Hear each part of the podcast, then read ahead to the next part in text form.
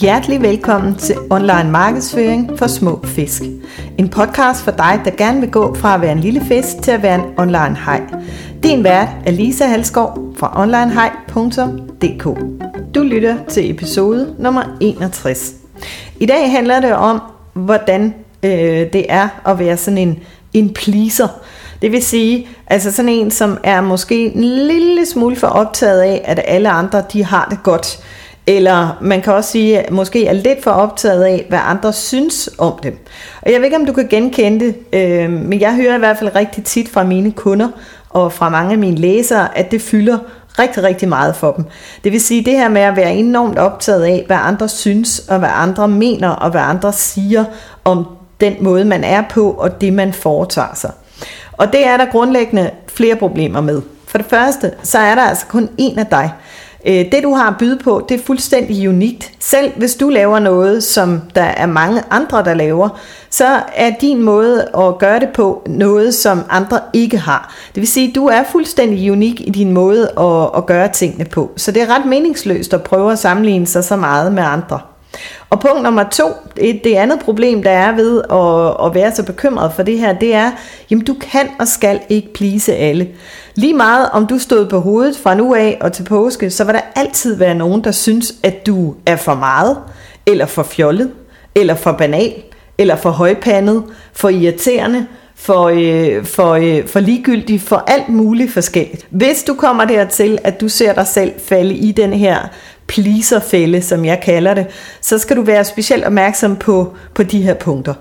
For det første, øh, så er det frygtelig almindeligt, at, øh, at du skruer voksenstemmen på, når du skriver tekster til dine kunder. Og når jeg siger voksenstemmen, så, øh, eller jeg plejer faktisk også at kalde det, at man tager voksenhatten på. Øh, det kan være, at du har din dansklærer siddende sådan lidt ubevidst ved siden af dig, når du skriver tekster. Men, men det, der sker for nogen, det er, at øh, lige så lige ud af landevejen, de øh, selv taler, og hvis de skulle skrive til en god ven, så skriver man øh, fuldstændig lige ud af landevejen. Men når man så pludselig skal skrive tekster til hjemmesiden og til nyhedsbreve, så bliver det stift og formelt. Og det jeg mener med dansklæren, det er, at vi har alle sammen lært at skrive øh, meget korrekt. Øh, jeg kan jo se for eksempel stadigvæk i gymnasiet, den skrivestil, som øh, lærerne rigtig, rigtig godt kan lide i gymnasiet, den er enormt øh, sådan snørklet og indviklet og meget, meget lidt mundret. Det er sådan en, en universitetsmåde at skrive på, som måske virker rigtig godt i de her tilfælde, men du skal jo tænke på, at du skal ud og tale med rigtige mennesker. Så det vil sige, at hele det her med, tænk hvis nu nogen synes, det er fjollet og useriøst, glem det. Selvfølgelig skal du skrive øh, fornuftigt, men, men lad være med at, at lade dig sådan hæmme af, at det skal være korrekt på en bestemt måde. Jeg havde i mange år en sjov lille anekdote, jeg kan fortælle. Jeg havde i mange år øh, en øh, skræk for at skrive nyhedsbreve, fordi jeg så for mig øh, fra den gang, jeg arbejdede i reklamebranchen, der arbejdede jeg med nogle rigtig dygtige øh, hvad hedder det, tekstforfattere, og der var specielt en af dem, som jeg anså som værende den dygtigste af dem alle, men også meget, meget kritisk. Jeg havde ligesom ham siddende ved siden af mig, hver gang jeg skrev nyhedsbrev med et løftet øjenbryn og en lidt, lidt sådan skævt smil over, hvor her bevares. Det der, det kan du da ikke, øh, det kan du da ikke være bekendt at sende ud. Og det er fuldstændig vanvittigt, fordi det her stakkels menneske har jo intet at gøre med mine mails. Jeg har aldrig hørt et pip fra denne her person om, at, øh, at vedkommende skulle øh, have et problem med den måde, jeg skriver mine mails på. Men det var først, da jeg indså, at det var den blokering, jeg havde, at jeg faktisk kunne sige farvel til ham som sådan en, en ghostwriter i, i min skrivestil og faktisk beslutte mig for, at det kan godt være, at det ikke var den måde, øh, og det ved jeg jo ikke, men det kan være, at det ikke var den måde, han ville have gjort det på. Måske var det. Måske ville han ovenkøbet synes, at jeg skriver fantastisk. Øh, det, summen af det hele er bare, at øh, jeg skulle frigøre mig fra hvad en eller anden øh, person, som faktisk ikke var vigtig i den her sammenhæng, øh, hvad den person eventuelt måtte synes om, om det, som jeg havde at, at skrive. Så det var først, at jeg kunne sige farvel til, til den person, at jeg så kunne skrive meget mere uhemmet og frit derudad. Øhm, hvad hedder det? En, en anden ting, du skal være opmærksom på, hvis du falder i pleaserfælden, det er, at du kan være meget opmærksom på, øh, hvad dine konkurrenter tænker, og, og det er et problem i forhold til, hvad dine kunder tænker. Fordi øh, der er nogle af os, som er sådan lidt fagligt belastet, der sidder og, og er meget optaget af, om vores øh, konkurrenter og kolleger i branchen, om de synes, vi er er fornuftige at høre på. Og det, det kan udmønte sig i, det er, at du får sådan en skræk for at virke banal. Øh, og, og det skal selvfølgelig tilrettes dine kunder. Hvis du skriver om atomfysik for andre atomfysikere, så skal niveauet øh, sandsynligvis være relativt højt for, at du kan imponere nogen. Men det er de færreste af os, der gør det i vores virksomheder. Og der skal du huske på, at det er jo dig, der er eksperten, og dine kunder øh, sidder som nogle folk, der ikke er eksperten. Så hvis du skriver for højpandet, fordi at du er, er bange for ikke at imponere dine konkurrenter, og dine konkurrerer i branchen, jamen så rammer du muligvis fuldstændig forbi øh, de her folk, som, øh, som du gerne vil, vil rette din markedsføring til. Og det er super ærgerligt, fordi øh, du skal faktisk blæse dine konkurrenter et stykke. Du skal 100% kon, øh, hvad hedder det, øh, koncentrere dig om din målgruppe. Du skal sørge for, at du kender dem, du ved, hvad det er, de er interesseret i, og så er det dem, du skal henvende dig til. Og så blæse på, at der sidder nogle andre, der muligvis vil løfte et øjenbryn og synes, at det er banalt, det du skriver. Men det kan du være ligeglad med, hvis det rammer plet for din målgruppe. Øhm, en anden ting, som du skal passe på med, hvis du er i gang med at falde i pleaserfælden, det er det her med, at du er rigtig meget bange for at stikke snuden for meget frem. Jeg har fået flere henvendelser fra flere, der er bange for det her med at være for synlige. Øhm, og jeg tror, det ligger i den her skrækredsel om, jamen tænk hvis nu nogen synes, jeg er for meget. Tænk hvis nogen synes, at, øh, at, at jeg er, er øh, tosset at høre på, jeg er indbilsk, eller, eller hvad vil jeg. Øhm, den skal du passe rigtig meget på. Jeg kommer lige tilbage til den om et øjeblik. Øh, den næste, du skal øh, være, hvor du skal være opmærksom på, at du er ved at falde i pleaserfælden, det er det her med, at du er bange for, at der er nogen, der bliver sure på dig. Og det er jo det her med, hvad nu hvis du skriver et eller andet, som nogen opfatter som kontroversielt, så kunne det jo være, at de blev vrede på dig. Jamen det kan jo godt være, at de gør det, men, men det du skal overveje, det er, hvis det er øh, dine potentielle kunder, du er i gang med at, at gøre sure alle sammen, så skal du selvfølgelig overveje, hvad det er, du har gang i. Men det kan være, at dem, der er blevet sure, det er nogen, som aldrig kunne finde på at købe af dig. Øhm, jeg får heldigvis ikke særlig mange sure kommentarer fra, øh, fra læsere, men en gang imellem får jeg nogle sure kommentarer. Var for eksempel en kvinde, der skrev til mig, at øh, hun synes godt nok, det var for galt, at nu havde hun fået nogle øh, rigtig gode tip fra mig helt gratis, og så havde jeg den frækhed at forsøge at sælge hende et produkt. Det vil hun simpelthen ikke finde sig i. Øh, og jeg kunne ikke lade være med at bare trække på smilebåndet og tænke, jamen det er fair nok, du skal nok blive fri for at høre fra mig igen. Øh, så du behøver heller ikke at få mere gratis indhold fra mig, men selvfølgelig har jeg brug for at sælge noget i min virksomhed. Det er jo ikke helt for vores blå øjne skyld, vi laver de her ting. Men pointen er, at det er jo fuldstændig ligegyldigt, at hun blev vred på mig, fordi øh, hvad skal jeg egentlig bruge det til, når hun aldrig nogensinde havde tænkt sig at blive kunde i min butik? Øhm, jeg mener ikke, man bevidst skal gå efter at gøre folk sure på sig. Det er der nogen, der bruger som strategi. Øh, det er slet ikke min stil.